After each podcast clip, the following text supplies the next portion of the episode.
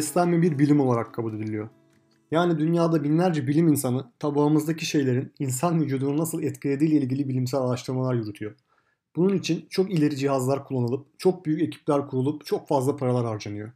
Bu bilim artık o kadar büyük bir uygulama alanına sahip ki çok fazla ana bilim dalına ayrılmış ve tıp bilimi kadar geniş bir uygulama sahası bulmuş durumda kendisine.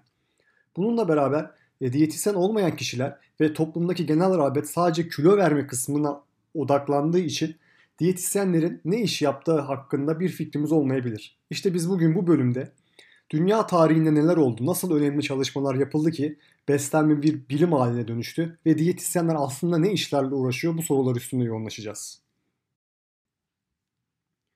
Türkiye'de beslenme bilimi farklı ana bilim dalları olsa da hem lisans hem de lisans düzeylerinde şu anda aslında beslenme ve diyetetik ana bilim dalı üzerinden yürüyor. Biz de bölümümüze öncelikle beslenme, diyetetik, diyet ve diyetisyen kavramlarını tanımlarıyla başlayacağız. Şimdi beslenme deyince hepimizin aklında bir fikir var zaten. Başlangıçta beslenme deyince hayatta kalmak için besinlerin tüketilmesi gibi bir tanım yapıyorduk. Ancak bugün geldiğimiz nokta bu beslenme tanımının tek başına yeterli olmadığını gösteriyor bize. Bir diyetisyen veya beslenme ile ilgili bir kişi size beslenmeden bahsediyorsa aslında bahsettiği şey çok büyük bir ihtimalle yeterli ve dengeli beslenmedir. Bu neyi ifade ediyor? Yani enerji ihtiyacımız kadar besinin uygun karbonhidrat, protein, yağ ve mikro besin örüntüsünde tüketilmesini ifade ediyor. Yani sadece yiyor olmak sağlıklı veya yeterli besleniyor olmak için bir kriter değil. Diyet ise Latinceden geliyor. Dieta kelimesinden geliyor. Yaşam yolu, yaşam şekli, yaşam alanı gibi bir anlamı var. E, buna biz eskiden reçete de diyorduk aslında diyet diyet listelerine. E, kişinin ihtiyaçlarına uygun beslenme planının yer aldığı listeleri ifade ediyordu kabaca. Şimdi pek diyet kelimesi de kullanılmıyor aslında. Daha çok kişiye özel beslenme programı gibi bir terime dönüşmüş durumda bu listeler. E, diyetetik dediğimiz şey her ne kadar toplum tarafından çok bilinen bir kelime olmasa da aslında yeni bir kelime de değil. Hipokrat'a, Plato'ya, Galen'e kadar dayanıyor. Onlar da kullanmış bu diyetetik kelimesini. Amerikan Diyetetik Derneği diyetetiği gıda, beslenme, iletişim, fizyoloji, davranışsal ve sosyal bilimler disiplinlerinden türetilen ilkelerin insan sağlığını sağlamak ve sürdürmek için bütünleştirilmesi ve uygulanması olarak tanımlıyor. Yani sağlığı geliştirmek için tüm bilimlerden, diğer disiplinlerden ortak bir dil oluşturarak beslenme temelinde sağlığın geliştirilmesini ifade ediyor. Kabaca sağlıkta ve hastalıkta beslenmenin insana uygulanması olarak tanımlayabiliriz. E, diyetisyenliğin tanımındansa bölümün biraz sonlarına doğru bahsedeceğim ama e, çok güzel bir pasaj okudum mesleğin gerektirdikleriyle ilgili. E, diyetisyenliğin kapsamıyla ilgili şu tanıma rastladım. E, bir diyetisyen işin hangi yönünü seçerse seçsin birinci rollerinden biri bireylerin bir terapetik yani tedavi edici yaklaşımı anlamalarına ve uygulamalarına yardımcı olmak, kendi rollerini daha etkin bir şekilde yerine getirilmeleri için doktorlara, hemşirelere veya diğer sağlık çalışanlarına beslenme ve diyetetik hakkında bilgi vermek, öğrenciler, meslek grupları, yaşlılar, hamileler, çocuklar gibi gruplara önleyici beslenmeyi öğretmek veya bilimsel veya medya odaklı bir makaleler yazmak için bir eğitimci olmaktır. Bu nedenle iletişim kurma yeteneği her diyetisyenin rolünün merkezinde yer alır. Yani diyetisyen etrafındaki tüm kişi ve meslek gruplarına doğru beslenmeyi öğretmeyi hedefleyen bir eğitimcidir. Yani şimdi meslektaşlarım buna ne kadar da doğru diyecekler eminim. Aslında hayatımız sürekli insanlara doğrusunu anlatmak ve onları öğretmeye çalışmak da geçiyor. Bu kaba tanımlar konunun iskeletini oluşturmak içindi. Şimdi biraz e, diyet tedavisinin kökeninden devam edeceğiz. Diyet tedavisi yani sağlığı diyetle iyileştirme anlayışı aslında çok da yeni bir şey değil. Antik Yunan'dan bugüne kadar var olmuş bir şey. O zamanlarda keşfedilmiş bir şey. Bu dönemde yani çok eski dönemlerde iyi beslenmenin bedensel ve zihinsel iyiliğin ön koşulu olduğunu inanılmaktaydı. Ama şundan da bahsetmek lazım. Tabi o zamanlar sağlık algısı da çok farklı. Bugünkü gibi teknolojik bir altyapı yok sonuçta o dönemde ve sağlığa bakış açısı da bugünkünden çok daha farklı. O zamanlardaki sağlık anlayışı e, dört temel elementle ilişkilendirilmiş. İnsan vücudundaki e, kan, balgam, kara veya koyu safra ve açık veya sarı safra ile ifade ediliyordu. Bunların kalitesi ki bu kalitede işte sıcak, kuru, nemli ve soğuk olarak ölçülüyordu veya o dönemde ifade ediliyordu diyelim. Bunlar arasındaki denge sağlığı ifade ediyordu. Yani bugünkü gibi e, bilimsel kanıtlara dayalı bir sağlık anlayışı yoktu. Humor anlayışı deniyor buna. Humorizm deniyor veya humoral patoloji teorisi olarak da ifade ediliyor. İşte insan vücudundaki bu e, kan, balgam ve safra dengesizliklerinin hastalıklara yol açtığına inanılıyordu. Sağlıklı olmanın gerekliliği ise kozmik yasalar ve düzen ile bir uyum içinde yaşamayı ifade ediyordu aslında. Ya mesela ne diyor bu humorizm anlayışı? E, kırmızı kanı olan insanlar arkadaş canlısıdır. İşte vücutları hakkında şakalaşabilirler. İşte sarı safrası olan insanlar asabi ve cüretkarlardır. İşte kara safradan oluşan insanlar tembellerdir. Veya işte kara safranın artması melankoliyle ilişkilendirilmiştir. Depresyona yol açar gibi bazı sağlıkla ilgili fikirler var. O dönemdeki beslenmeyle ilgili fikirlere geri dönecek olursak da taş tabletlerden, papirüslerden beslenmeyle ilgili bazı fikirler geliştiğini görüyoruz. Yani insanların bitkisel veya hayvansal kaynaklı pek çok ürünü hastalıklarda destek ürün olarak kullandıklarını görüyoruz. Bunlar arasında en sık kullanılanlar e, kekik, ceviz yaprağı ve ceviz yağı, zeytin yaprağı, zeytinyağı, sarımsak, soğan, hardal, susam yağı, defne yaprağı, üzüm, sirke, bal gibi e, birçok şey e, destek ürün olarak kullanılmış. E, milattan önce 106 ile 43 yılları arasında yaşamış Cicero'da e, bedenimiz yiyecek ve içecekle tıka basa doluyken doğru dürüst düşünemeyiz diye bir ifade kullanmış mesela. Çok yemenin sakıncasına dikkat çekmiş. E, yine Lucretius e, bir kişi için yiyecek olan bir nesne bir başkası için zehir olabilir sözüyle aslında bugün e, kişisel beslenme olarak ifade ettiğimiz her besinin, her yiyeceğin kişiye özgü olabileceği, farklı etkiler oluşturabileceği kişilerde anlayışına tabii bu kadar çok bilimsel kanıt eşlik etmeden e, vurgu yapmış diyebiliriz. Yine Homeros İlyada'da da iki hekimden biri olan Padelius diyete özel bir ilgisiyle bilinmekte. E, tabii Hipokrat da bizim için çok önemli. Çok da o dönemde meşhur sözleri var. Hatta Hipokrat'ın çok e, özel bir besin karışımı var. Bugün hala şifa olarak kullanıyoruz onu. E, bal, sirke ve karabiber karışımını. E, Hipokrat'ın yine Diyette diye bir kitabı da var yani. Diyete çok ilgi duyan ve bunun sağlığı geliştirebileceğinin hastalıklara tedavi edici özelliği olabileceğine inanan bir bilim insanıydı Hipokrat. E, kendisi şişmanların e, erken ölmeye meyilli olduklarını söylüyor. E, Platon da tabii yine aynı şekilde beslenmeden geri durmamış. Platon'a göre sağlıklı bir diyet tahıl, meyve, baklagil, süt, bal ve balıktan oluşmaktaymış ki bu diyetin bugün altın diyet olarak kabul edilen Akdeniz diyetine benzerliği bir hayli ilginç. Roma İmparatorunun doktoru Galen de yine diyete inananlardanmış. Sağlığın gıdalara bağlı olduğunu düşünüyormuş. Yani aslında binlerce yıldır e, yediklerimiz, içtiklerimiz bir şekilde şifa olarak insanlar tarafından kabul edilmiş. E, bugün bildiğimiz anlamdaki hastane diyetiti yani daha net hastalıklara spesifik bir diyet programının uygulanması 12. Ee, yüzyıla kadar gidiyor.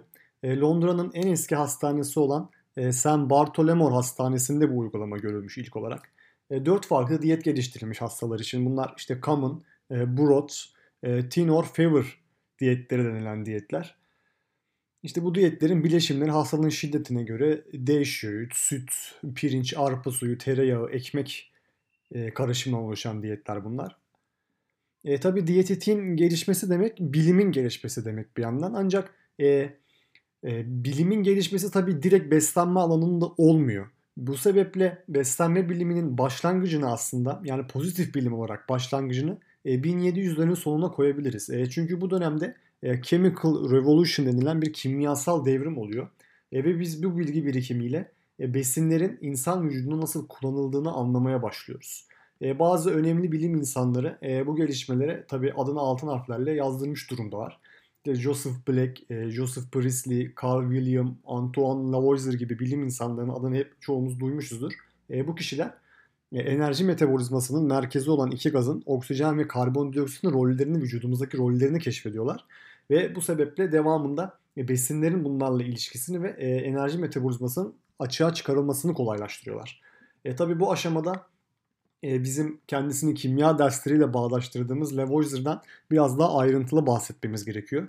E, çünkü kendisi e, modern kimyanın babası ünvanına sahip bir Fransız asilzade Lavoisier.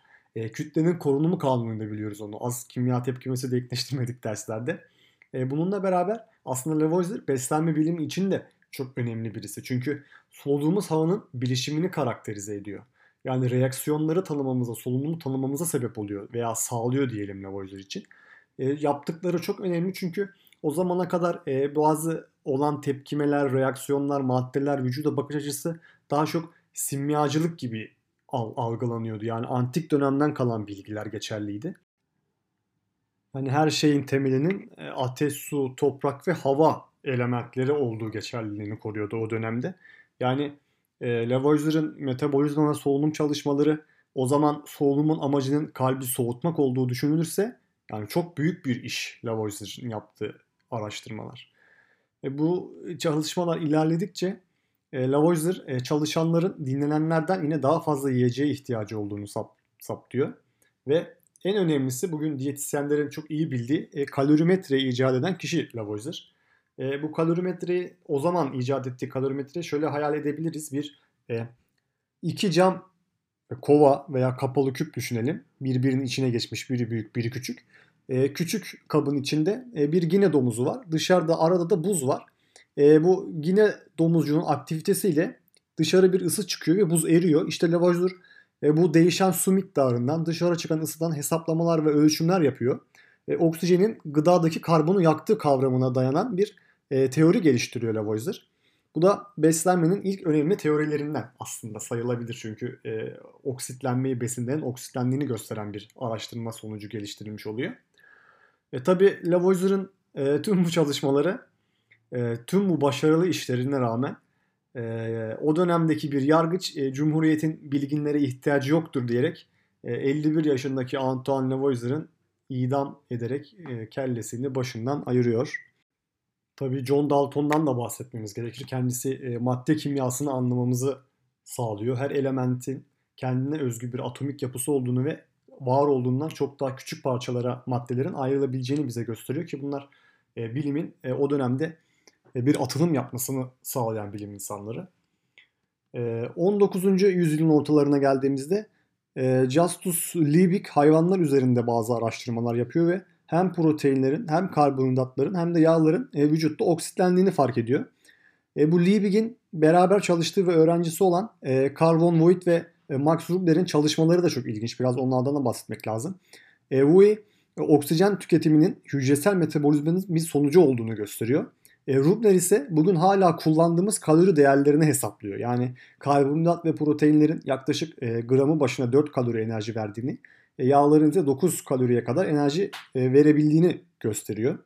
E, Rubner'in gözlemleri dinlenen bir hayvan için ısı üretiminin ısının ortadan kaldırılmasına eş değer olduğunu gösteriyor. Yani bir hayvan ne kadar ısı üretiyorsa o kadar da enerji tüketebilir sonucunu elde ediyor çalışmaları sonucunda. Yani Lavoisier'in e, enerjinin korunma yasasının e, canlı organizmalar için de geçerli olduğunu gösteriyor ki bu çok önemli bir bulgu. Çünkü e, bugün aslında bir kalori bir kaloridir dediğimiz şeyin e, atılımını yapan kişi maksimumlar. Yani sen 10 kalori yersen 10 kalori de yakarsın. İşte daha az kalori alırsan vücudun e, bir ağırlık kaybına gider giderin e, temelini oluşturan kişi Max Rubner. E, çok e, farklı çalışmaları var Max Rubner'ın. Max Rubner ayrıca e, proteinlerin bir termik etkisi oldu. Yani protein yedikten sonra proteinlerin e, yakılması için daha fazla enerji harcamamız gerektiğini keşfeden kişi. Max Rubner bir köpeği kalorimetrede 45 e, gün yaşattığı bir deney yapıyor. E, bu süre boyunca e, içi, köpeğin tükettiği enerji ve dışarı çıkan ısıyı enerjiyi karşılaştırıyor ve giren enerjinin 17.400 kalori kadar çıkanın ise 17.300 kalori kadar olduğunu buluyor ki bu da işte yine enerjinin korunumu kanununu e, ortaya koyan ve işte bir kalorinin insan içinde bir kalori olduğunu daha fazlası olmadığını ifade eden en önemli çalışmalardan birisidir. Yani bugün kalori kavramının bu kadar konuşulmasına neden olan kişi aslında Max Rubner. Rubner'in çalışmalarından haberdar olan bir Amerikalı olan Ed Water hemen Avrupa'ya gidiyor ve işte Max Rubner'le çalışmaya başlıyor. Kalorimetre nasıl yapılır bunu öğreniyor, nasıl kullanılır bunu öğreniyor ve Amerika'ya dönüp e, kendi kalorimetresini icat ediyor. Onun kalorimetresi daha farklı. İçinde bir insanı barındırabilecek kadar büyük ve birkaç gün bu insanı kalorimetrede yaşatabilecek kadar imkanı olan bir kalorimetre. O da yine e, fiziksel aktivite, enerji harcaması, besinlerin enerji değerleri üzerine çalışmalar yapıyor ve e, kendi referans değerlerini yayınlıyor. Yine Rudel 2'ne çok yakın değerler. E, bugün Atwater'ın e, enerji değerleri de yine referans olarak, Atwater standartları olarak e, kabul edilen değerler. E, ilginç çalışmalardan birisi de e, François Magendie'den geliyor. Kendisi yine köpekleri besleyerek bir çalışma yapmış. Ancak farklı olarak e, köpekleri sadece sıra sıra tek bir besinle besliyor. Mesela önce şekerle başlamış. sadece şeker yiyen köpeğin 2 hafta sonra ağırlık kaybettiğini, bir ay sonrası öldüğünü gözlemlemiş ve deneylerini zeytinyağıyla, gamla, tereyağıyla devam etmiş. Ancak sonucun hep aynı olduğunu görmüş. Yani tek bir besinle beslenen tüm köpekler eninde sonunda ölmüşler. İşte bu enerjinin tek başına dengeli bir beslenme olmayınca aslında yeterli olmadığını gösteren bir çalışma ama tabii şu an kulağa korkunç geliyor yani köpeklerin bu şekilde kullanılması. Yani bugünkü etik kaygılar yok, izinler yok. Yani belki de köpeği sokaktan falan yakalayıp yapıyorlardı yani çok farklı, çok ilginç geldi bana okuyunca. Bugün tabii köpekler bir deney hayvanı bile kabul edilmiyor yani mümkün değil böyle bir şey yapmanız. Şimdi e, işler e, gittikçe ilginçleşiyor. E, 1822'de e, Alexis Martin isimli bir Kürk tüccarı bir kaza koşulu sonucu yaralanıyor. E, kazanın olduğu yerde de tek doktor bir askeri cerrah William Beaumont. E, Beaumont çok uzun uğraşlar sonucu ve aylarca bakımdan sonra e, Alexis'i kendine getirmeyi başarıyor. E, ancak bir sorun var. Yani kurşun yarası çok büyük ve Alexis'in midesinde dışarıya açılan bir delik var. Direkt mideden dışarı açılan bir delik var ve bu delik kapanmıyor. Yara açık kalıyor. Bu sırada Alexis de herhalde artık e, minnet borcu mu duydu bilmiyoruz tabi ama Beaumont'un yanında çalışmaya başlıyor. E tabi e, doktor belki askerinin getirdiği bir cesaret belki de o dönemdeki koşulların getirdiği bir e, imkanla diyelim e, bu Alexis arkadaşımızı kobay olarak kullanmaya başlıyor. Yani nasıl kobay? E, çünkü bir mide olduğu için delikli bir mide olduğu için e, mide asidinden e, anında canlı örnekler alıyor Alexis'ten. İşte bu delikten içeri e, yiyecekler vererek sindirimi canlı canlı gözlüyor. E, tüm bu gözlemler bugün e, Alexis Martin'in e, gastrik fizyolojinin, mide fizyolojisinin babası olarak anılmasına sebep oluyor. E, bu da yine sindirim hakkında bize önemli fikirler e, veren çalışmalardan bazıları. E, bilim ilerledikçe daha farklı bugünkü beslenme biliminde kullanılan bazı bilgileri edinmeye başlıyoruz. İşte azot miktarı çarpı 6,25'in protein miktarına denk gelmesi gibi bazı denkleştirmeler yapılıyor. E, enerji miktarları saptanmaya başladıkça bu sefer e, insanların enerji gereksinimi, protein gereksinimi hesaplamaya yönelik çalışmalar geliyor. Ancak bu hemen genel bir popülasyon için belirlenmeden önce biraz e, politikleşmiş durumda. Direkt hatta politikleşmiş diyebiliriz. Çünkü genel olarak e, işçilerin enerji ihtiyaçlarını, protein ihtiyaçlarını hesaplamak ve e, işçileri e, en optimal şekilde besleyerek en yüksek verimi almak yönüne çalışmalar yapılıyor. Mesela 1881'de az önce bahsettiğimiz e, bir işçinin gereksiniminin günlük 118 gram protein, 500 gram karbonhidrat ve 56 gram yağ olduğunu bildirmiş. Yine yine Rubner yüksek proteini savunanlardan. işçinin e, 127 gram kadar, e, ağır işçilerin ise 165 gram kadar e, protein tüketilmesini öneriyorlar. E, 1900'lere yaklaştıkça e, işte daha spesifik şeyleri tanımaya başlıyor. İşte amino asitleri tanımaya başlıyoruz. Sindirim enzimlerini tanımaya başlıyoruz e, vitamin ve minerallerin keşfi ve izolasyonu başlıyor ki bu beslenme bilimi için e, çok önemli bir e, keşif oluyor. Çünkü artık e, iot ve e, tuz ilişkisi, guatr ve tuz ilişkisi, işte demir kansızlık ve demir ilişkisi gibi çok önemli ilişkiler ortaya konmaya başlıyor ve e, buna yönelik halk sağlığı politikaları geliştiriliyor. E, ilk defa 1923-25 gibi yıllarda mesela artık tuz iyotla zenginleştirilmeye başlanıp iyot yetersizliğinin guatrın önüne geçiliyor ki bu o dönemde insanların zamanla tabi e, zeka seviyelerini, IQ puanlarını çok önemli miktarda arttıran bir uygulama oldu. E, tabii bizim için bu biraz daha geç oldu yani mesela biz e, tuzu iyotla zenginleştirmemiz gerektiğini tabii 1995'te fark ediyoruz. 1913'te Casimir Funk e, bir vital amin fikrini ortaya atıyor. Yani çok elzem olan, şart olan aminler fikrini ortaya atıyor. Bu vital amin bugün işte e, vitamin dediğimiz e, şeylerin e, fikir babası mı diyelim artık. O tanımın fikir babası. E, tavukların e, işlenmemiş pirinç kabuğuyla beslendiğinde beri beri dediğimiz hastalığa karşı koruyucu olduğunu saptıyor. İşte bunun sonucunda bu vitalamin fikrini geliştiriyor. Bu vitalamin ilk kez 1926'da izole ediliyor ve 1936'da da B1 vitamini ismini alıyor. Yine 1932'de C vitaminini izole etmeye başarıyoruz. E, C vitamininin hikayesi ilginç. Duymuş olanlarınız muhakkak vardır. Denizli denizci James Lind yaklaşık 200 kadar önce, 200 yıl kadar önce e, çok uzun seferlere çıkan e, denizcilerin narenciye tükettiklerinde özellikle limonun etkilerinin e, bu denizciler üstünde çok önemli yararlar sağladığı ve bu has, e, denizcilerin e, C vitamini yetersizliğine bağlı skorpitte yakalanmadıklarını saptıyor. Tabi o zamanlar C vitamini olarak bilinmiyor bu durum. 1918'de e, diyetisyenlerin yine adı gibi bildiği e, enerji hesaplaması ile ilgili insanların e, enerji gereksinimini hesaplamamıza sağlayan e, Harris Benedict formülü geliştiriliyor. İşte derken derken e, beslenme ile ilgili bir fikir, bir bilgi birikiminde oluşmaya başlıyor 1900'lerden itibaren. E, hükümetler, organizasyonlar e, buna yönelik e, önlemler, politikalar belirlemeye başlıyorlar. E, insanlar için standart beslenme kılavuzları oluşturmaya başlanıyor. İşte biz RDA diyoruz buna e, literatürde. 1945'te Gıda Tarım Örgütü kuruluyor gibi gibi artık e, beslenme çok önemli bir bilgi birikimine sahip e, bir devlet politikası haline gelmiş bir alan olarak kendisine yer buluyor. Peki tüm bu gelişmeler olurken e, diyetisyenlik mesleği nasıl ortaya çıktı? Şimdi biraz buna bakalım.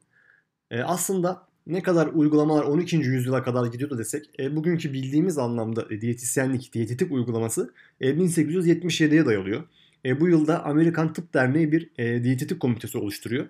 Ve bu komitenin başına da o dönemde e, yaptığı sağlıklı tariflerle, besinlerle e, çok popüler olan e, yemek öğretmeni Sarah Rohr'ı getiriyorlar. Sarah e, bir gazete çıkarmaya başlıyor bu dönemde ve gazete çok büyük bir ilgi görüyor. Her gün yüzlerce mektup alıyor işte su şişmanlatır mı, sıcakta et mi yemeli, sebze yemeli gibi merak edilen soruların cevaplandığı bir yayın oluyor. Bu popülerlikten sonra 3 doktor e, Rohr'ın yanına gelerek kendi kurumlarında bir diyet mutfağı açmasını öneriyorlar ve e, bu tarihten itibaren hastanelerde diyet mutfağı yaygınlaşmaya başlıyor. E, diyetisyen ünvanının ilk kullanımı ise e, 1899'da Amerika Birleşik Devletleri'nde oluyor. E, Amerika diyetisyeni e, hastanede çalışan ve hastalara besleyici yemekler sağlayan kişi olarak tanımlıyor ve literatüre geçiyor. E, bu dersi ilk veren üniversite ise e, John Hopkins Üniversitesi, bu bölümü diyelim daha doğrusu. 1903'te e, e, bünyelerinde 3 aylık diyetetik kursları açmaya başlıyorlar ve e, bu kurslardan mezun olan kişilere diyetisyen edilmeye başlıyor artık akademik olarak. Bununla beraber diyetisyenliğin gelişiminde dünya savaşlarının da çok önemli bir rolü var. Birinci Dünya Savaşı'na Amerika Birleşik Devletleri'nin girmesiyle savaşta besinleri satın alacak, saklayacak, servisindeki önemli noktaları açığa çıkaracak, uygulayacak, askerlerin besin ihtiyaçlarını ve gerekli miktarları tayin edecek, hasta ve yaralıların beslenmesini planlayacak kişi ihtiyacı ortaya çıkıyor. Ve bu amaçta e, diyetetik formasyonu almış olan 356 kişi Birinci Dünya Savaşı'nda Amerika Birleşik Devletleri ordusuna görevlendiriliyor. E, benzer bir durum İkinci Dünya Savaşı'nda da var. E, Amerika'dan 200 diyetisyen e, bu savaşta görevlendirilmiş. Tabii bütün bunlar mesleğin farkındalığının artmasını sağlayan öğeler.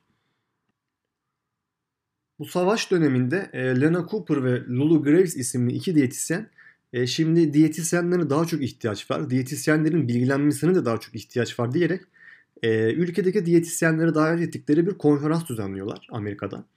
E, bu konferansa 98 kişi katılıyor ve toplantı sonucunda bir diyetisyen derneği kurulmasına karar veriliyor ve böylece 1917 yılında bugün dahi hala çok önemli bir kurum olan, işin piri olan Amerikan Diyetetik Derneği ismiyle ilk dernek kurulmuş oluyor.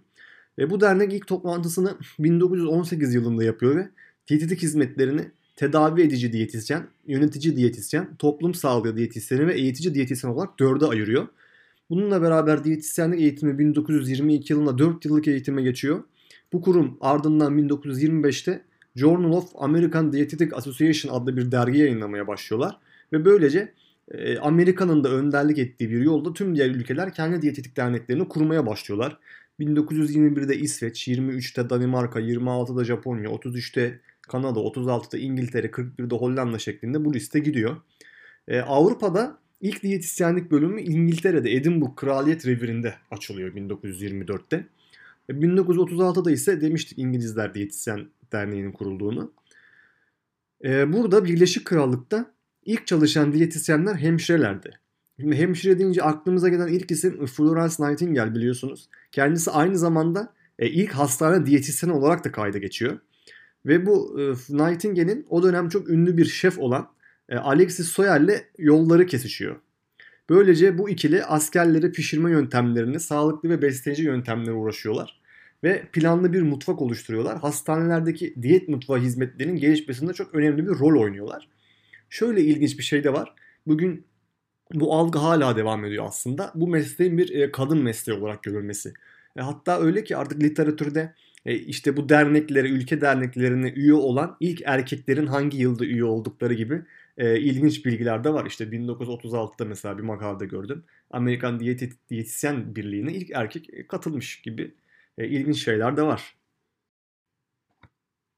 Vitamin minerallerin keşfi, diyetisyenliğin kurumsal bir hal alması, yayılması, e, diyetin önemi anlaşılmaya başlarken e, bir anda aslında diyetle ilişkili hastalıkların çok daha kompleks bir yapıda olduğu keşfediliyor. Savaşlardan itibaren özellikle. 1950'lerden sonra diyetin biz obeziteyle, diyabetle, kardiyovasküler hastalıklarla ilgisini keşfediyoruz. Böylece bütün ilgi yağ ve şekere kayıyor. Dünyadaki protein yetersizliğinin farkına varılıyor, açlık farkına varılıyor. Bu konudaki çalışmalar hız kazanmaya başlıyor. Proteinle zenginleştirilmiş formüller üretiliyor. Anne sütünün önemi anlaşılıyor. Bir taraftan besin teknolojisi gelişiyor, besin takviyeleri gelişiyor, tarım gelişiyor. Kronik hastalıklara yönelim artıyor. İşte düşük yağlı, kolesterollü, sodyumlu diyetler hayatın çok önemli bir parçasını oluşturuyor o dönemde. 90'lardan itibaren bilimsel çalışmaların sayısı, büyüklüğü ve kalitesi oldukça artıyor ve iş çok kompleks bir hale geliyor. Yani biz bu dönemden itibaren 90'lardan itibaren artık besin öğesi yetersizliği ve bunu yerine koymaktan çok bir genel diyet paternleri üzerinde çalışmaya başlıyoruz. Yani sadece tek bir besin öğesindense işte Akdeniz diyeti gibi genel sağlıklı beslenme önerileri gibi işi çok daha geniş bir pencereden ele almaya başlıyoruz. Bu e, birçok farklı şey yol açıyor. Hem diyetisyenliğin çok popüler bir hale gelmesine hem diyetisyenlere olan ihtiyacın artmasına. Çünkü bu biliyorsunuz ki sadece keşfedilmekle kalmıyor yani hastalıkların diyetle ilişkisi. Bir taraftan obezite ve bu kronik hastalıklar çok büyük bir yaygınlık gösteriyor dünyada. Bu da diyetisyenler olan ihtiyacın çok daha fazla olmasına neden oluyor. E, diyetisyenliğin fazla olmasının yanında beslenmeye olan ilgi de çok fazla artıyor. E, Birçok popüler diyet hayatımıza giriyor. Herkes bir e, diyet kursu olmaya başlıyor. Tüm bunlar e, beslenmeyi bugün hala el üstünde tutulan ve çok önemli bir konu olarak insanların e, beslenmesini düzenlemeye çok fazla gayret gösterdiği yeni bir alan gibi ele almasına sebep oluyor. Tüm bu karmaşanın içerisinde e, beslenme ve diyetetik bilimi de çok fazla ana bilim dalının bir çatı altında birleştiği ve kendisine çok sağlam temellerle yer bulduğu ve bugün hala daha çok önemli bir bilim olarak hala daha diyorum ama aslında çok da yeni bir bilim bir taraftan e, yoluna devam ediyor. Evet şimdi gelelim diyetetiğin gerçek neferlerine. Diyetisyenler ne iş yapar? E bugün diyetisyenlik deyince aklımıza birkaç ülke geliyor. Ee, Kanada, Avustralya, İngiltere ve Amerika Birleşik Devletleri'ni ilk dörde koyabiliriz diye düşünüyorum. E, şimdi bu sebeple bu ülkelerin e, diyetisyen derneklerinin web sitesine girdiğimizde bize nasıl tanımlar karşılıyor? Biraz bunlardan bahsedeceğim. Mesela Kanada'nın derneğinin web sitesine girdiğimizde e, şu açıklamayla karşılaşıyorsunuz. E, diyetisyenler hastalarını, danışanlarını, toplulukları Yiyecekleri benimsemeleri, anlamaları ve tadını çıkarmaları için motive eder. Sağladıkları tavsiye ve bilgiler tat ve erişilebilirlik dahil olmak üzere müşterilerinin, danışanlarının ve hastalarının kişisel ihtiyaçlarına ve zorluklarına göre uyarlanmıştır. Beslenme bilimini ve tüm Kanadalılar için sağlıklı yaşamı desteklemek için herkesin anlayabileceği terimlere çeviren kişilerdir diyetisyenler diyorlar. Ee, siz bilmiyor olabilirsiniz ama diyetisyenler her yerdeler. Diğer sağlık profesyonelleriyle işbirliği yapmak, bilimsel araştırma yapmak, gıda endüstrisinde yeniliği yönlendirmek, kamu politikası geliştirmek ve ülke genelinde hastalar ve topluluklarla çalışmak olsun çok derin etkiler gösteriyorlar ve büyümeye devam ediyorlar. Yani işi özetleyen oldukça geniş bir tanım. Avustralya'da şöyle iddialı bir giriş yapıyor. E, iş beslenmeye geldi mi herkes için aynı ölçü beden yaklaşımı doğru olmaz. Akredite diyetisyenlik uygulamaları kişiye özel ve ileri seviye bir yaklaşım sağlar. Diyetisyenler beslenmenin vücudu nasıl etkilediğini anlarlar ve bu bilgiyi çeşitli tıbbi durumları tedavi etmek için kullanırlar. Tıbbi beslenme tedavisi konusunda eğitim almış diyetisyenler bilimsel beslenme bilgilerini diyet tavsiyelerine çevirirler. Yaşam tarzı ve diyet değişiklikleri yoluyla refahı iyileştirmek için özel stratejiler uygularlar. Gibi gibi tanımlar var. Yani kabaca kanıta dayalı beslenme bilgilerini kullanarak e, bireylerin, grupların ve toplulukların sağlığını geliştirmek için yapılabilecek tüm uygulamalar ve stratejiler diyetisyenlik mesleğinin kapsamını oluşturuyor. Görev tanımını oluşturuyor. Bununla beraber e, bu tanım biraz havada kalabiliyor. Bu sebeple diyetisyenler hangi alanlarda çalışabilir? Size bunlardan bahsedeceğim. Yani mesela gıda endüstrisinde çalışabilirler. Gıdanın düzenlenmesi, gıda kanunları, gıda güvenliği ve kalite sistemleri, tüketici ve sağlık profesyonel eğitimleri, beslenme araştırmaları, ürün geliştirme, beslenme ilgili pazarlama, hakla ilişkiler, araştırma ve öğretme. Yani tüm bu konularda diyetisyenler e, bir görev sahibi olabilirler. E, spor endüstrisinde çalışabilir diyetisyenler. Bireysel sporcuları ve takımlara atletik performanslarını geliştirecek, başarılı olma ihtimallerini arttıracak tüm stratejileri e, diyetisyenler sporculara sunabilir. Spor dallarına göre ayrı ayrı tecrübe edinerek bunları sunabilirler. Danışmanlık verebilir diyetisyenler özel muayenehanelerde. Bireylere, gruplara ve kuruluşlara koruyucu sağlık programları ve beslenme eğitimlerini içeren danışmanlık hizmeti verebilirler. E, yayın için beslenme bilgileri oluştururlar. Medya ve haklı ilişkilerde çalışırlar. Yemek servislerinde, cateringlerde, toplu beslenmede yani mesela hastane mutfakları gibi, büyük fabrika yemekhane gibi birçok yerde kendisine iş olanağı bulabilir. Hasta bakımıyla ilgilenebilir diyetisyenler. Evde sağlık hizmetlerinde kendisine yer bulabilir. E, hastanelerde özellikle diyetisyenlerin kapsamı çok daha geniştir. Yani e, poliklinik gibi düşünün. Nerede bir sıkıntınız varsa oraya uygun bilim dalında bir tedavi almaya çalışırsınız. İşte artık bugün diyetisyenler de e, tüm bu ana bilim dallarında ayrı bir tecrübe gerektiren uygulamalar yapıyorlar. Yani mesela tıbbi beslenme tedavisi kavramı var mesela. Yani hastanede yatan hastanın gerek oralden, ağızdan, gerek de damar yolu veya herhangi bir tüple beslenmesini, enerji, makro ve mikrobesin ihtiyaçlarını karşılayacak tüm gereksinimleri sağlayacak beslenme tedavisini oluşturan kişidir. Mesela Birleşik Devletler Diyetisyen Derneği'nin e, alt çalışma gruplarına bakıyorum. Yani diyetisyenlerin oluşturduğu özelleşmiş spesiyalist gruplarına bakıyorum. Mesela neler var? Yoğun bakım beslenmesiyle ilgili bir grup var. Kistik fibrozis, diyabet grubu, besin alerjileri grubu, besin hizmetleri grubu, e, freelance çalışan diyetisyenler topluluğu, gastroenteroloji grubu, e, HIV bakımıyla ilgili bir grup var. E, maternal hamilelik, gebelik, emziklilik dönemiyle, üremeyle ilgili bir grup var. E, mental sağlıkla ilgili bir grup, e, nörobilimle ilgili bir grup, obezite grubu, e, yaşlı insanlara yönelik bir grup, onkoloji grubu, e, pediatri grubu, parenteral enteral nütrisyon grubu, halk sağlığı grubu, renal grubu, e, spor grubu, sürdürülebilir diyet grubu, otizm grubu, gastrointestinal grubu, hematoloji grubu. Yani say say bitmiyor, say say bitmiyor. E, bu mesleğin gerçekten de e, branşlaşmaya ve branşında uzman kişilerin çalışmasına ihtiyacı var. E, bu açıdan henüz daha gelişime çok yakın emeklemeyi belki yeni yeni bitirmiş bir meslek grubu diyetisyenlik. E, Türkiye'de biraz devlet hastanelerinde özellikle diyetistik hizmetleri benim fikrimce çok yetersiz. Diyetisyenler gerçek işini yapamıyor aslında tabii. Her mesleğin iyi yapanı, kötü yapanı var. Mesleğini suistimal eden meslektaşlarımız da var ne yazık ki. Ancak biraz imkan olsa, biraz daha şartları iyi olsa herhalde çok daha farklı uygulamalar olurdu. Yani bugün nasıl bir doktor hastayı 3 dakikada muayene edemezse yani bir diyetisyen de poliklinikte bir hastasına 10 dakikada diyet yazamaz. Bu mümkün değil. İşte tüm bu yetersizlikler sebebiyle biraz e, aynı listeyi verme, beni kağıdı verdi gönderdi gibi durumlar oluyor ama yani bir kişiye bir saat, bir buçuk saat vakit ayırmanız lazım nereden baksanız. Bunu yapsanız bu sefer kapıda kuyruk oluyor, olay çıkıyor. Yani iki ucu kirli bir değnek. Eğitim sorunları, yetersizliği belki bir taraftan konuşabilir. Birazdan bahsedeceğiz onlardan da. Oraya geçmeden önce e, biraz Türkiye'de diyetisyenliğin gelişiminden bahsetmek istiyorum. Türkiye'de diyetisyenlik eğitimi 1962 yılında Hacettepe Üniversitesi'nde başlıyor Profesör Doktor İhsan Doğramacı tarafından.